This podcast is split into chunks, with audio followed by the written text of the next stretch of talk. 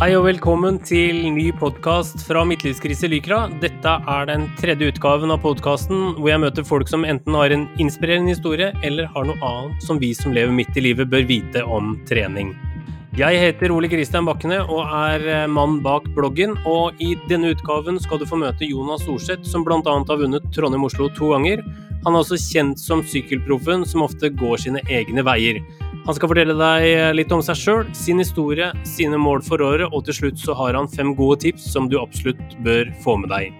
Møtet med Jonas ble spilt inn før koronaviruset stoppa hele sykkelsirkuset, og er derfor helt koronafritt. Akkurat nå er det litt uvisst hvordan sesongen blir, men vi håper på det beste. Har du tips eller ønsker til podkasten eller bloggen, så ta kontakt med meg gjennom Midtlivskrise Lykras eh, Facebook-side, eller send meg en mail på bakkene at gmail.com. Det blir nemlig nye podkaster i tiden framover ved ujevne anledninger. Og så ønsker jeg også å bruke anledningen til å minne om at Midtlivskrise Lykra har en egen Facebook-gruppe for prat, spørsmål og svar. Der kan du spørre om alt du lurer på, dele treningsøkter og inspirerende bilder. Bli med der. Men akkurat nå så skal du få lov til å møte Jonas Orseth.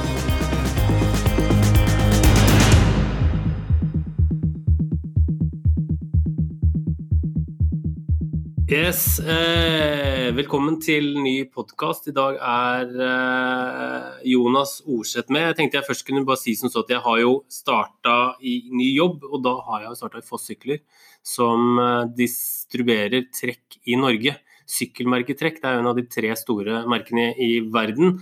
Og det er jo egentlig eh, kult på mange måter, og ikke minst også fordi jeg møter sånne mennesker som, som Jonas, som er eh, godt kjent i sykkelmiljøet. Jonas, du har jo Eh, vunnet bl.a.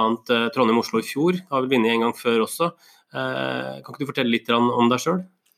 Ja, eh, jeg heter da Jonas Orseth. Kommer jo fra, fra Follo, fra Langhus. Det er ikke langt unna her. Lekre Follo kaller vi det ofte. Det er utrolig mye fine veier i området her som, som jeg skal ta med deg, Ole Kristian, ut på tur. Eh, ja, så sykla nå i tolv år aktivt mer eller mindre hele den veien, utenom et par år som jeg har vært litt, litt syk. Eh, og det er, startet jo det små i lokale Follo sykkelklubb. Og så har det egentlig båret litt rundt omkring over hele verden, der jeg bl.a.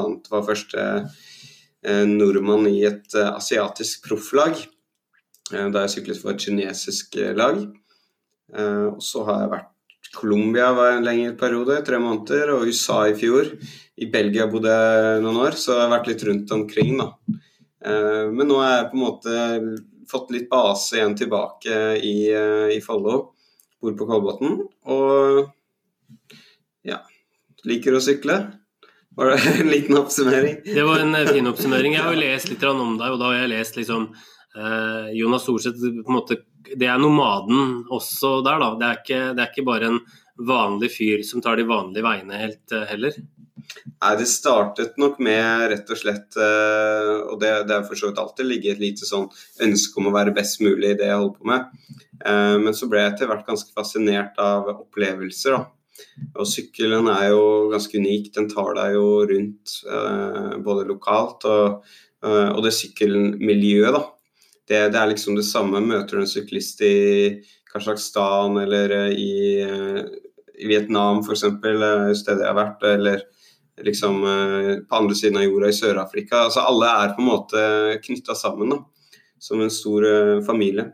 Så det er liksom noe jeg ble veldig fascinert av, og etter hvert så ble jeg jo kanskje litt vel eventyrlysten og reiste rundt til store deler av verden og tok de mulighetene jeg hadde. da. Så, så jeg har jo eh, kanskje noe av det mest ekstreme jeg har gjort. da, da jeg I fjor da sykla over grensa til Mexico, rundt El Paso-området, som jeg ettertid skjønte at det var eh, absolutt ikke et trygt område å sykle. Ellers har jeg jo både syklet til Russland og eh, i store deler av ja, sånn, nede i Ukraina. Så det har vært litt sånne opplevelser som har drevet meg, men, eh, men det fellesskapet har også vært liksom en stor motivasjonsfaktor. Da.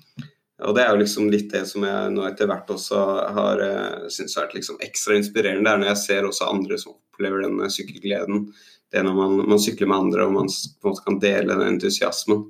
Mm. Noe av det kuleste som jeg syns med å på en måte begynne å jobbe mye mer i sykkel, eh, det å møte personer som deg, er jo rett og slett fordi at du har en litt annen eh, framtoning fra tid til annen. Altså det er klart, Møter Møter deg på Trondheim-Oslo, så er du like nervøs som alle andre, og du sykler, prøver å sykle like fort, eller eventuelt raskere enn andre. Men jeg liker også den, det at du på en måte har kommet inn i kalde midtlivskrisegruppa, hvor du deler tips og er interessert. da. Uh, og Det er jo det som, som, på en måte betyr noe for sånne som meg, som er rett og slett middelmådig. Og, og jeg kan ikke bli noe bedre enn det her, for jeg har tidsklemme og barn og, og huslån og alt mulig som kan betales. Men, men, det er litt det der å, å la, la, meg inspirere av deg, da, og få lov til å være med deg på tur litt. Uh, men det er jo derfor jeg på en måte lurer på hvor, hvor er på en måte engasjementet ditt kommer fra? Hva, er det, hva er det du brenner for? Mm. Nei, det er, det, er, det er, en prosess av mange opplevelser og mange hendelser. Vi snakket litt om det tidligere i dag før vi startet podkasten, om, eh, om, det tøffeste jeg har opplevd. Der jeg f.eks. i Kina under et sykkelritt opplevde en medsyklist miste livet rett foran øynene på meg. Eh, så satt det skikkelig sjokk egentlig i kroppen og i tankene og hvorfor man drev med det man gjorde med den risikoen det innebærer. Eh, samtidig så så har jeg også gjort noen ganske ekstreme event på en litt uh, positive opplevelser, kan man si at det har vært. Men det har vært også krevende. F.eks. Uh, 10 000 høydemeter, altså sånn type everesting, bare enda litt til. Der jeg, jeg, jeg, har gjort det to ganger i fjor, nei, det var 2018 var det da. Uh, the Hope Challenge, som sykla opp og ned den Grefsenkollen, den bakken, uh, 82 ganger. Og det viste seg å være en ny norsk rekord, som var veldig kult. Men den rekorden ble jo tatt bare en måned senere, faktisk, av eh, Daniel fra Drammen. Eh, på dagtid, i, eh, i relativt gode forhold. Så, så, jeg visste at uh, Hoppsjangs går jo midt på natta, og det er jo ikke en bakke som er spesielt bratt. Det gjør at du må sykle ganske mange kilometer for å nå det antallet 10 000 høydemeter.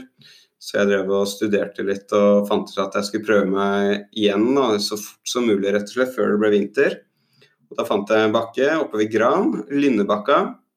Eh, den er jo kjent for de som eh, er ivrige syklister. En skikkelig knekker av en bakke. 3,7 km, tror jeg, og 9 Og eh, det vil si at det er 300 høydemeter, 320 høydemeter per runde. da. Og ved å sykle den 30 ganger, så vil jeg jo da nå 10 000 høydemeter. Men den var bratt, altså. Det var 13 på det verste. Og, og, en sånn type event, da, eller jeg kan jo legge til en liten fun fact, var jo at jeg skulle sykle et ritt i Kina, så jeg kom hjem fire dager før. Og det her var på bursdagen min. Første liksom mulighet det var 29.9. Eh, så jeg hadde ikke optimal oppladning, men uh, likevel så Ja, det var litt galskap, men det var ganske stor opplevelse. Og når man holder på med sånne langdistanser og sånne ekstreme eventer, så har det veldig mye opp- og nedturer. Både bokstavelig talt, men også mentalt som gjør at du begynner å tenke litt på hvorfor de gjør det de gjør, og hvorfor det er eh, givende. Og det går gjennom en sånn liten midtlivskrise bare på én sykkeltur, tror jeg. Så man blir litt sånn bevisst på hva man, eh, som er viktig i livet. Og, eh, og, når man ser på en måte at det man gjør kan inspirere andre og, og gi en, glede for andre, så er det i hvert fall Jeg har jo noen meritter, jeg har ikke liksom vunnet VM, men, men de merittene jeg har, de er ikke på nærheten av den gleden jeg sitter igjen med når jeg ser andre på en måte bli inspirert og glad da, av, eh, av, å sykle, rett og slett fordi jeg har invitert ut på tur, eller kanskje ja, inspirert på noen måte. Ja, for du ser deg sjøl som en del av kalde sammenhengen, at du kan være med å bidra til at flere får dele den fascinasjonen og inspirasjonen du, du sitter med? Det er Mitt øverste mål er at jeg kan være et forbilde for gode verdier, og litt det med Team Green Cycling Norway. Um, som jeg prøver, da, rett og slett å inspirere andre til noe positivt. Og, så det, klarer jeg det, så er jo det mer verdt enn et toppresultat. Eh, og det er uansett det gir meg også en, en, liten ekstra dimensjon til det jeg gjør. Da, at jeg har et, et, positivt mål som jeg brenner for. Mm, men hva med, hva med 2020? Hvordan trener du? Hva er det du skal oppleve? Hva er det som er fokuset ditt i år?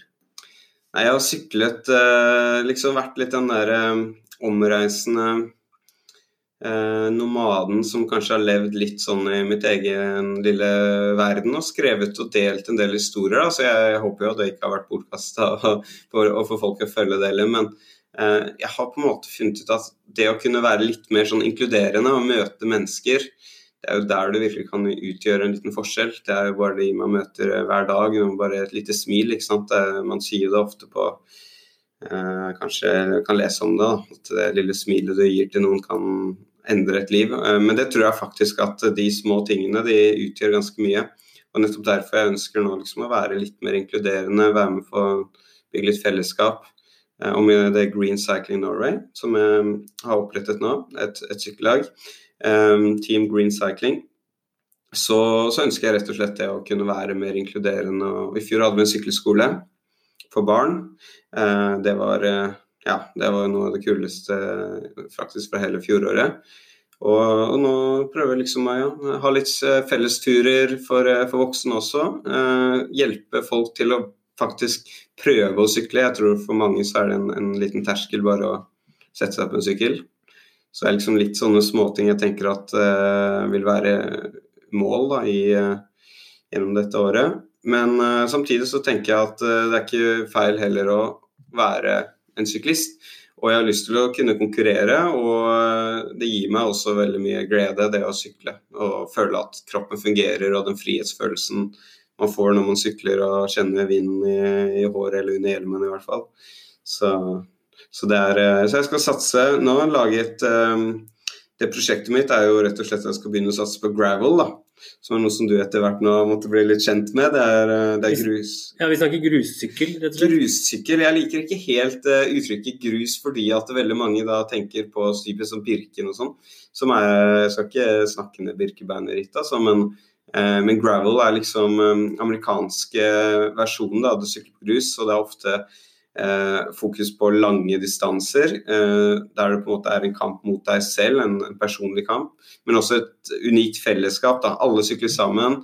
Eh, noen sykler fortere enn de andre, og jeg håper å være en av de som kan sykle ganske fort. Men når man kommer til mål, så er det det fellesskapet igjen. Mm. Som er utrolig kult. Og så kommer man bort fra, fra hovedveien og får liksom litt mer naturopplevelser på veien. Mm. Det som jeg har hvert fall fått med meg, sånn sett, altså for det er klart når jeg kom inn her, så, så i, i fossykler og i trekk, så, så, på en måte for min del så var det jo var det på en måte et nytt begrep. Jeg hadde jo hørt om det før, jeg har hørt om cyclocross, jeg har ikke hørt om gravel. Men for min del så er det jo Det virker som en veldig allsidig eh, sykkelmodell, da, kall det det. da.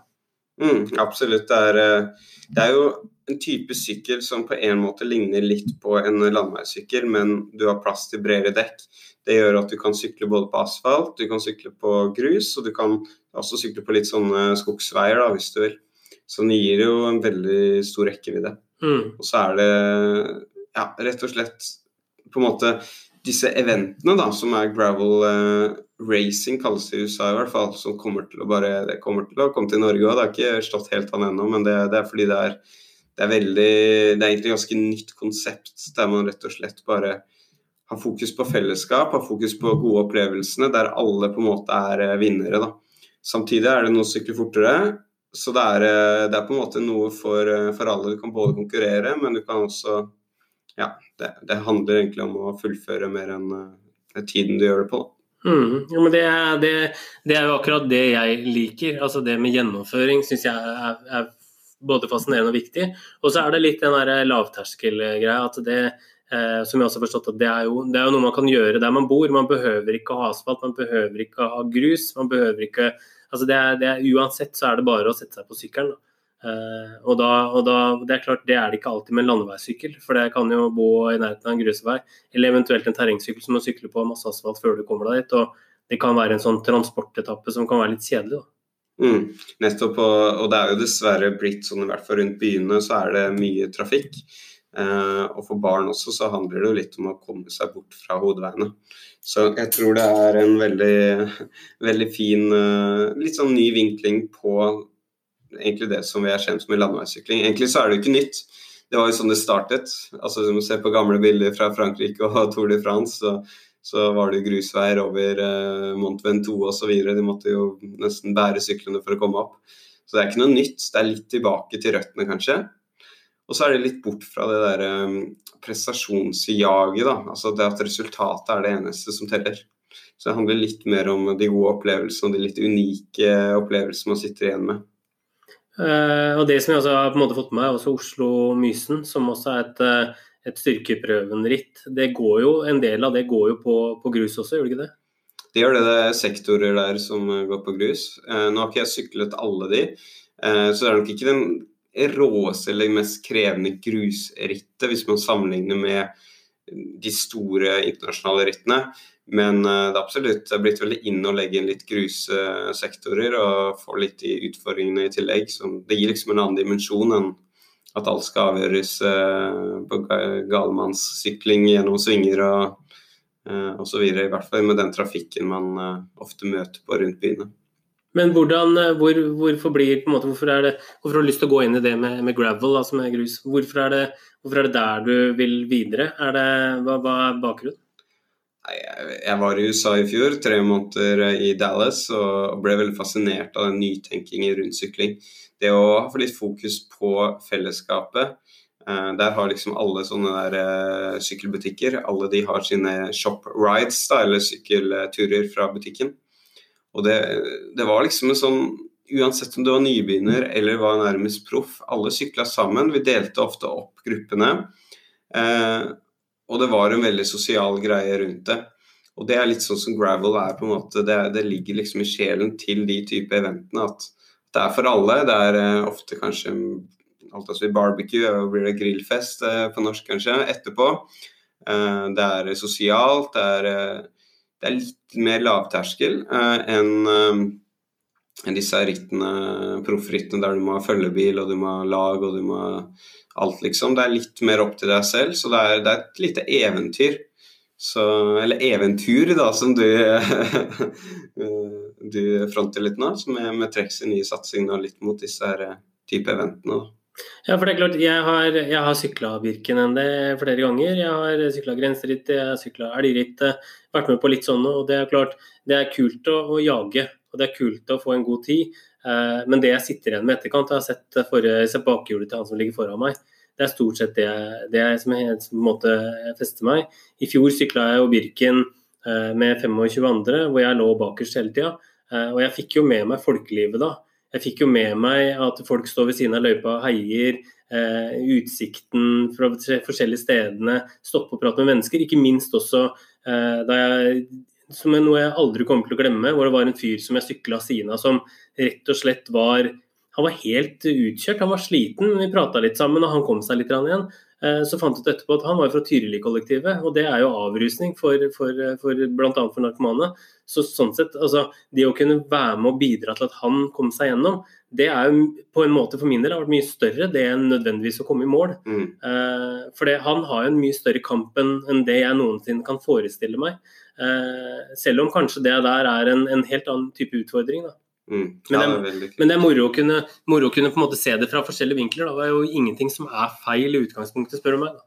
Nei. Mm. Det er veldig kult, og det, det syns jeg er litt morsomt nå med at du begynte å jobbe her òg. fordi at jeg har jo fulgt litt med på mitt livs eh, Likra. Det, det er det du jobber for, å få flere til å begynne å være aktiv, rett og slett. Ja, og det er jo det som er litt av problemet i dag. At folk er jo ikke aktive nok. Jeg er jo ikke det sjøl heller fra tid til annen. Men, men, eh, og jeg skal ikke rette noen pekefinger mot noen, men det er jo litt sånn Man sier jo det at det er en halvtime om dagen som, som det er alt som skal til. Mm. Og i løpet av en, en, eh, uke så er det tre og en halv time, liksom. Og det, det bør være oppnåelig for alle. Men samtidig så må det, tror jeg det ofte kan bli eh, bli et sånn fokus på at man skal man, Nå må man trene. Men så er det så utrolig mye enklere hvis man begynner å eh, se på den eventyrversjonen, eventyrversjonen, at man mm. tenker på det som en opplevelse. da. At det er faktisk i dag skal jeg komme meg ut og sykle litt for at jeg har lyst til å sykle. Ikke for at jeg skal trene til noe eller for at jeg skal bli god i noe, men for at jeg får en opplevelse, får vind i ansiktet og slipper å ha tak over huet. da. Eh, og så er det den andre delen av det som også er kul igjen. for du kan jo da etter hvert finne ut at ok, ja, men dette har jeg lyst til å gjøre. da. Jeg har lyst til å sykle fort på Birken. Jeg har lyst til å være med på enebakk rundt og, og, sykle raskt. fordi jeg har jo også et, en drøm om å på en måte sykle litt raskere. Men det må på en måte komme i riktig rekkefølge, da, føler jeg. Det er litt, det er litt den også, da. Mm. Har du opplevd noen uh, som har blitt inspirert av uh, For du startet denne gruppen her. ikke sant? Du uh, fortalte meg at du hadde en bakgrunn fra reklame. Og så begynte du å bevege deg litt mer fordi du var, anså deg selv som i ferd med å bli litt feit, rett og slett. Ja, det er vel, det er vel, det er vel reine ord på penga, det. Ja. Det er jo det, da. Men det er jo litt sånn, jeg har jo, jeg har jo som alle andre det er klart Når jeg begynte å nærme meg 40-åra, så begynte jeg å skjønne at ok, nå må jeg gjøre noe. Hvis ikke så ender jeg opp, ender jeg opp inaktiv. Og, eh, og det, er jo, det, er jo, ikke noe negativt å være overvektig, det er ikke det jeg mener. Men, men eh, man må jo finne på en måte en trivselsvekt, og jeg var på lang vei ut av den trivselsvekta. I tillegg til det så følte jeg at jeg hadde litt sånn små, kanskje litt sånn smådepresjon av, av, noe. da, Man blir på en måte far til to, og plutselig så sitter man der, eller var jeg far til én da, men så sitter man der, og så, og så er, måte, er jo livet bra. Man har jo alt det man trenger, men det er liksom et eller annet som mangler. da. Fordi at det, det, alt blir rutineprega. Mm. Uh, og det å, kunne, det å kunne, på en måte begynne å trene da, og det å komme seg ut, var på en måte en åpenbaring for meg. Uh, og ja, jeg har, jeg har fått, uh, fått, tilbakemeldinger fra andre som har sagt at de blir inspirert av, av det jeg holder på med. Nå har jeg også prøvd alltid å si sånn at ok, det er ikke bare jeg som holder på det, det er jo på en måte et fellesskap der. Det er jo Jeg kanskje formidler og kanskje den som kobler sammen folk, men at det er viktig for meg at vi, at vi fokuserer på fellesskapet. da, At vi drar ut en gjeng og at hvis jeg er ute, så er jeg ute for å hjelpe noen og, og dele noe med noen. Uh, og at det ikke blir den der egosentriske greia. da. Uh, og så tenker jeg som så at, at det, er mye, det, er mye, som på en måte man kan oppleve sammen, og så er det mye man kan oppleve alene. Uh, men det er klart, alle de tingene jeg har gjort med bloggen Jeg har jo egentlig utgangspunktet hatt et ønske om å bare nå én person når jeg er én person, er det én person som får noe ut av det, så er det bra. Mm. Eh, jeg trenger ikke ha noen stor oppmerksomhet rundt meg sjøl som person, men jeg skjønner jo det at for at man skal eh, oppnå noe, eller i hvert fall påvirke noen, så må man, må man på en måte bruke seg sjøl. Man må jo fortelle om det og være åpen. Jeg må jo være en person, jeg også. Eh, og jeg har jo hatt en del sånne løpetreff og litt sånt nå, hvor jeg har møtt mennesker. Og det syns jeg er utrolig bra, da, for til slutt så er det jeg som sitter igjen med masse store opplevelser som jeg ikke ville hatt hvis jeg hadde sittet hjemme og bare fokusert på den treninga helt kliss alene. Mm. Ja, helt sant. helt sant. Og jeg merker jo det. Jeg har jo syklet mer eller mindre hvert år siden jeg begynte å sykle. altså Det er jo tolv eh, år siden. Begynte jo kanskje litt sent for å være en aktiv idrettsutøver. Jeg begynte vel da jeg var begynte så vidt da jeg var 16, begynte litt mer seriøst da jeg ble 17-18 nesten. Første året jeg konkurrerte litt, var, var siste år som junior. Så jeg startet jo egentlig ganske sent. Men, eh, men, jeg har jo holdt det gående. og det Jeg tror litt av grunnen til at jeg har klart å holde motivasjonen, er rett og slett fordi jeg kunne noen ganger stoppe opp og liksom tenke hvorfor gjør jeg det jeg gjør? Hva er det som gir meg glede med det? Og, nå, og, og, Tidligere så var jeg veldig fokusert på det med resultatet og det med min egosentriske eh, liksom at, at, det handlet om at jeg skulle bli bedre, jeg skulle slå konkurrentene. Som ikke nødvendigvis bare er galt, det. Altså prøve å prestere og gjøre sitt beste er absolutt uh, en god ting. Men det er når man begynner å skjønne litt om fellesskap og, og at vi på en måte vi er i dette sammen. da. Uh, og vi har alle våre utfordringer, om du er toppidrettsutøver eller om du er, jobber i business eller om du har vært narkoman, så er det egentlig det samme vi går gjennom. Så når vi begynner å, å knytte oss litt sammen og liksom hjelpe hverandre fram, så plutselig blir jo det, alt blir så mye mer motiverende og lystbetont. Mm, og det tror jeg, jeg, tror det er veldig viktig. for jeg tror det er klart det er, altså, Som en, en proffutøver sånn som du er, så er det klart så har du en iboende, et iboende ønske om å, å, prestere best mulig. Uh, og jeg har jo det når jeg er ute og sykler ritt, så har jeg jo egentlig det hvis ikke jeg er med bare for, å, for at jeg syns det er kult å kunne være med. Men det er litt den der greia der at jeg tror det er viktig for alle mennesker egentlig det å kunne høre til et sted. Da. Og for meg har det med midtlivskrise i Lykra vært og prøve å skape noe som kanskje ligger litt utafor det som er etablert i dag, med eh, sykkelklubber som har fokus på, på forskjellige grupper. Eh, og Jeg sier ikke at det er noe feil, for jeg har besøkt mange av dem og jeg syns det er utrolig bra det de gjør. Men for meg er det viktig å kunne ha med alle. Det er kulere for meg at en Jonas Orseth eh, ligger bak og sier 'kom igjen, nå, nå tar vi den bakken sammen', enn en eller annen sånn Jonas Orseth som ligger foran og sier 'kom igjen, da, nå, vi, nå ligger vi litt bak her'. Fordi at, eh, fordi at, det er eh, Jeg tror man får med flere, og jeg tror det finnes mange som, som på en måte har vært der før. Da. Jeg tror egentlig mm. alle har vært der før. Eh, jeg hadde jo en podkast med, med, Øystein Eriksen som også lå på sofaen og, og var utrent. Og så kom han plutselig på annenplass i Ironman. Eh, VM i Ironman på Hawaii. Ja, fordi, at han, fordi, at han, faktisk hadde et ønske og en drøm om å på en måte bli, bli et bedre, en bedre trent menneske. Mm. Men han starta et sted, han også, og da måtte han også ha litt vennlighet. Så jeg, jeg, liker, jeg, liker, jo ikke syklister som ikke hilser. Så jeg syns jo alltid syklister skal hilse, uansett om det, er, om det er noen som sykler på den dyreste terrengsykkelen eller landeveissykkelen, eller den billigste, for den saks skyld. Fordi vi, er en, vi, vi deles av det samme, da. Mm. Så, så jeg, tror, jeg, tror, det er viktig egentlig for alle det at vi fokuserer også på turpreget av det, og ikke bare er først mulig, raskest mulig eh, og førstemann opp, liksom. Mm. Så, så, rett og slett egentlig være litt medmenneske, da, være litt en person som kanskje kan hjelpe til mer. For jeg tror også det at jeg som person også blir bedre menneske av å hjelpe til. Eh, jeg får mye mer ut av det enn at jeg nødvendigvis skal bare fokusere på meg sjøl. For det er jo mye kulere å dele ting med folk. Det er mye kulere å komme i mål sammen med noen og ha noen å dele med, med noen. Ja, altså Nå har jeg gått Birken og kommet i mål sist, nesten. Eh, og det var nesten ingen til stede. Det var kjipt, det også. Men, men, men, det, men det, er klart, vi deler jo en opplevelse, vi prata sammen med etterkant, og vi har jo det samme opplevelsen. Jeg, jeg, hvis jeg skal sykle Trondheim-Oslo, så kommer jeg til å slite stedvis, akkurat sånn som det du har gjort. da. Så vi har på en måte de samme parameterne, men kanskje litt på forskjellige måter. da. Mm. Og Det som er veldig kult med sykling, som er en, en annen eh, element i sykling, er jo altså du får deg fra A til B, og noen ganger raskere enn eh, med kollektivtransport. Så du har jo den uh, pendlerbiten. Uh, og så kan du jo begynne å knytte på alt med miljø. Du, nå har vi vært inne litt på både på fysisk helse, at det hjelper for det, og psykisk helse. Så det er ganske mye som er positivt med sykling. da. Så jeg syns det, det, er liksom en unik greie som måte, alle tenker vi bør måte, være med å fremme det å, være, det å sykle mer, egentlig. Så er liksom noe av det, det, jeg brenner for, og det er akkurat det du er inne på. Ja, den fysiske, men den mentale biten, ikke minst. Fordi at det viser seg jo at kommer du i bedre fysisk form, så påvirker det psyken din. Så det er, det er, veldig mye positivt med det å inspirere andre til å være aktive. Så jeg syns det er utrolig kult. For jeg har sett litt på gruppene de, og jeg ser at det er noen som, som starta veldig fra scratch da, i den gruppa, som deler eh, turer og trening de gjør nå, bare rett og slett fordi de ønsker en liten forandring. da. Og dette er en arena også for dem, og ikke bare for de som uh, skal liksom ta merke i Birken, eller, eller enda bedre. da. Det, det syns jeg er veldig, veldig, kult. Og Det er jo litt det som jeg har hatt som et uh, lite poeng, og det er at ingenting er feil. Det er ikke feil å sykle for at du syns det er kult. Det er ikke feil å sykle for at du vil bli rask. Det er ikke feil å løpe eller være på triatlon ja, det, det, er triatlon er litt ja, okay. gråsone. Greit, greit, greit. Ja. For deg er det kanskje det. Men, nei, da, men, altså, det, men det, er jo det er ingenting som er feil.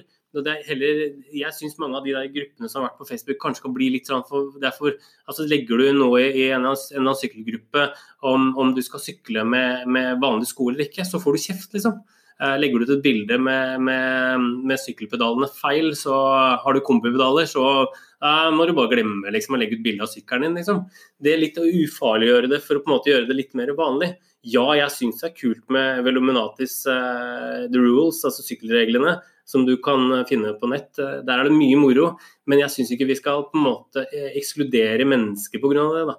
For det å liksom se mennesker, det å se på en måte mulighetene for å kunne få med flere, mm. det, det, er så viktig. Og, da, og, det er klart det er noen sånne hatere som kommer inn, eh, og som, som, på en måte aldri vil like det. Men så tenker jeg som så at det, det er bredden, det er folka, det er menneskene, det er opplevelsene. Altså, når jeg, når jeg kan gå i mål sammen med en person som, som, eh, som i utgangspunktet aldri har hatt forutsetninger for å sykle Birken, kan jeg gjøre det og hjelpe den personen over, så har jeg et vennskap for livet. Mm. Og, og det, er jo, det, er jo, det det handler om, mye mer enn at jeg skal bare gønne på hardt over. Ja ja, det er greit, det òg, men, men, at vi klarer å kombinere det. da. Mm. Du kommer jo nå akkurat fra treningsleir eh, i Spania med resten av eh, jobben her. Det er helt riktig. Ja, ja det er helt riktig. Så nå begynner jeg å bli klar for å på en måte få i gang kroppen ordentlig igjen. Ja, så det, nå er du i topp. Nå kan du både prestere og inspirere og hjelpe folk å pushe dem til mål. Jeg har jo et sånt typisk, typisk, bilde på det, at jeg hang som en sånn dregg bak, eller sånt anker bakerst på alle gutta. da. Så ja. det ble holdt igjen der. Eh, var det, og, var det, for å være litt grei mot de andre? For å være liksom den inkluderende typen som jeg, jeg kan være sist? Ja, ja, ja. ja det, det, det, hadde, jeg hadde nok, jeg hadde nok uget hvis jeg hadde sagt at det var sant. Men jeg syns jo, jo, det er gøy å oppleve ting. Og det er klart, det å oppleve det å kunne få lov til å være med og sykle sånn, eh, sykle der proffene har sykla, eh, se på Strava, se ok, jeg lå sånn og sånn bak, jeg lå kanskje da 14 minutter bak deg opp den, den, stigningen der. Men det å kunne få lov til å være med på det og gjøre det på mitt nivå, da, tror jeg er, liksom, det er såpass givende. Eh, og jeg tror hvis vi prøver å dele det, så er det flere som får noe ut av det. Og så, og så kan vi på en måte prøve å, å få ut budskapet da, bedre gjennom å rett og slett å samarbeide og prate sammen. Da. Mm. Så, så, jeg tenker jo som så at, at eh, det at sånne personer som deg faktisk deler kunnskap og er tilgjengelige og til stede, det er så utrolig viktig. da. Så det er jo derfor jeg syns det er eh, det du gjør her, er helt på, på, på riktig vei. da. Ja, nå har vi snakka en del om, om, eh, deg, om verdiene dine og om hva du skal gjøre i 2020. Men det er en ting som på en måte lyser seg fram som en sånn stor greie der framme. Uh, dirty cancer. Uh, jeg måtte google litt når, uh, det første gangen jeg hørte om det. Men kan ikke du fortelle litt, da, som, som kjenner til det her?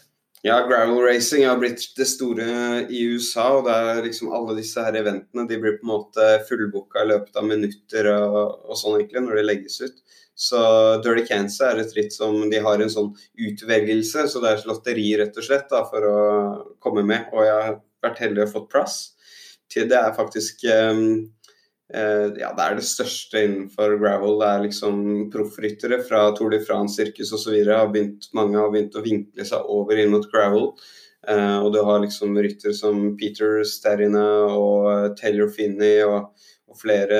Colin Strickland vant i fjor, for de som eventuelt er så inne i syklingen. Men det er i hvert fall blitt så stort og så mye prestisje og interesse rundt dette her at det er utrolig kult å, å få være med. Er jo, går opp i, Kansas eh, og er 200 miles, altså 320 km på grusveier. Uh, så det, det, er ganske krevende. Jeg hører litt på amerikanske podcaster innimellom mitt livskrise-podkastene, og, og, da er det jo Det går gjennom alle liksom, sykkelpodcaster som snakkes om gravel og Dirty cans nevnes. Så, så, det blir en skikkelig stor opplevelse. Og jeg håper jo at noen av de Eh, det grunnlaget jeg har fra Trondheim, Oslo og 10 000 høydemeter osv. kan gi meg en, eh, en, mulighet til å i hvert fall eh, ja, gjøre det relativt greit da, i Dirty Kansas. Jeg skal ikke gå ut som en amerikaner og si at jeg skal vinne, men Eh, det hadde jo vært gøy å i hvert fall ikke bli kjørt av uh, helt uh, seierskampen liksom én gang. Så hvis jeg klarer en topp 20, så skal jeg være fornøyd. Det, men det er, det er, liksom der borte er det opplevelsen, og så er det så mye uforutsett som kan skje. Så punkteringer, eh, varmen ja, og altså distansen i seg selv det er ganske ekstremt. Og så er det Du har nesten ikke noe support, så du har noen drikkestasjoner. Så det er, det er mye som kan kan skje. Det, men det blir utrolig kult. Mm. Og det er jo ikke for å, for, å, for å, dytte deg inn i en sånn favorittposisjon, men eh, Nei, håper, jo, håper, jo, på at du kan, kan, gjøre det bra der borte. Det hadde vært kult om nordmann kunne være med å prege, prege det rittet. Men det er klart, med den erfaringa du har, og du driver jo noe som heter Ordsett coaching også i tillegg, eh, eh, så du på en måte følger opp eh, personer. Eh, hvis du skal kunne gi fem tips da, til, til de som hører på rundt, rundt trening og ikke minst kanskje rundt hvordan du tenker. Eh, har du, har du fem tips? Ja, eh, på strak hånd. Nei, vi kan jo ta litt av det vi har snakket om. Første tipset er finn et eller annet fellesskap, eller finn noen å dele interessen med. Fordi at ja, jeg har studert også treningsteorier osv., så, videre, så jeg vet at det skaper en ganske stor motivasjon. Så selv om det av og til føles litt sånn at nei, jeg bare gjør min egen greie, så tror jeg at det å, å finne noen å dele det med, det, det skaper på en måte en, en varighet. Da, at motivasjonen holder. Så finn noen, om det er en Facebook-gruppe eller om det er en, en sykkelklubb eller hva. Finn noen å dele, dele, ja, eh, dele entusiasmen med. Så hvis vi tar nummer to ja, eh, Finn også noe, sett noen mål da, som du som du syns er inspirerende, som er eh, noe du liksom ser litt sånn Du merker litt i magen når du ser disse målene foran deg. Du liksom tenker at f.eks. Dirty Cancer for meg, ok, det er, det er, langt. Bare det å reise til Kansas er jo nesten en prestasjon i seg selv. Hvis jeg kommer frem i, i god behold med sykkel og alt. Eh, og jeg merker at det gir en sånn der, litt sånn frykt, men også en litt sånn fokus. Bare dette må jeg prøve å gjøre mitt beste på. Fordi at uh, det, gir en sånn ekstra sånn dimensjon også i hva, hvorfor gjør jeg det jeg gjør. Jo da, jeg har lyst til å takle det, den utfordringen som står foran meg, da. Så finne liksom et mål da, som er litt sånn eh, eh ambisiøst, men, men, også er litt realistisk. Det, det, er ikke noe gøy hvis det blir helt urealistisk og du skjønner det halvveis at dette går aldri. Så, men et ambisiøst eh, mål som trigger deg litt, det, det er lurt. Så, så, fellesskap, finne mål. Um, ja. Så kan vi ta utstyr, da, siden vi er her på uh, Trekk headquarter. Uh, så er det jo Sjekk at utstyret fungerer, um, og velg på en måte utstyr for det du har lyst til å, å, å sykle. F.eks. Har du lyst til å ha mulighet til å sykle både grus og asfalt, så kanskje er gravelbike rett for deg. Men hvis du syns det er gøy med litt med tekniske utfordringer, så er det klart at en mer en terrengsykkel er kanskje heller det du vil ha. Eller hvis du bare er ute etter fart, så er det kanskje landeveissykkel. Men uh, selv om vi selvfølgelig skulle stått her og skrytt opp uh, Kjøpe en ny Project One fra Madonna uh, til 107 000, så skal jeg være så ærlig at det er ikke det som er det som gir den store motivasjonen. Så ikke vær, bli altfor utstyrsfiksert, men heller finn noe som fungerer innenfor der du har lyst til å sykle, og så, så se litt hvor det, det varer. Du må ikke ha det beste utstyret for å dra ut på tur. Hmm. Det var tre. Det var tre, ok. Dette tar, tar tid. Nei, nei, nei, være litt raskere på de neste. ja, ja, men det går bra. Ja, og så ja, tenk litt på um, hvorfor du gjør det du gjør. Uh, hvilke verdier har du i grunn? Uh, er det rett og slett at du har lyst til å gå ned i vekt, så, så kan det kanskje noen ganger være en, en sånn start uh, push i ryggen, liksom, for å komme i gang. Men jeg tror ikke det er For de fleste så er det ikke det som bærer.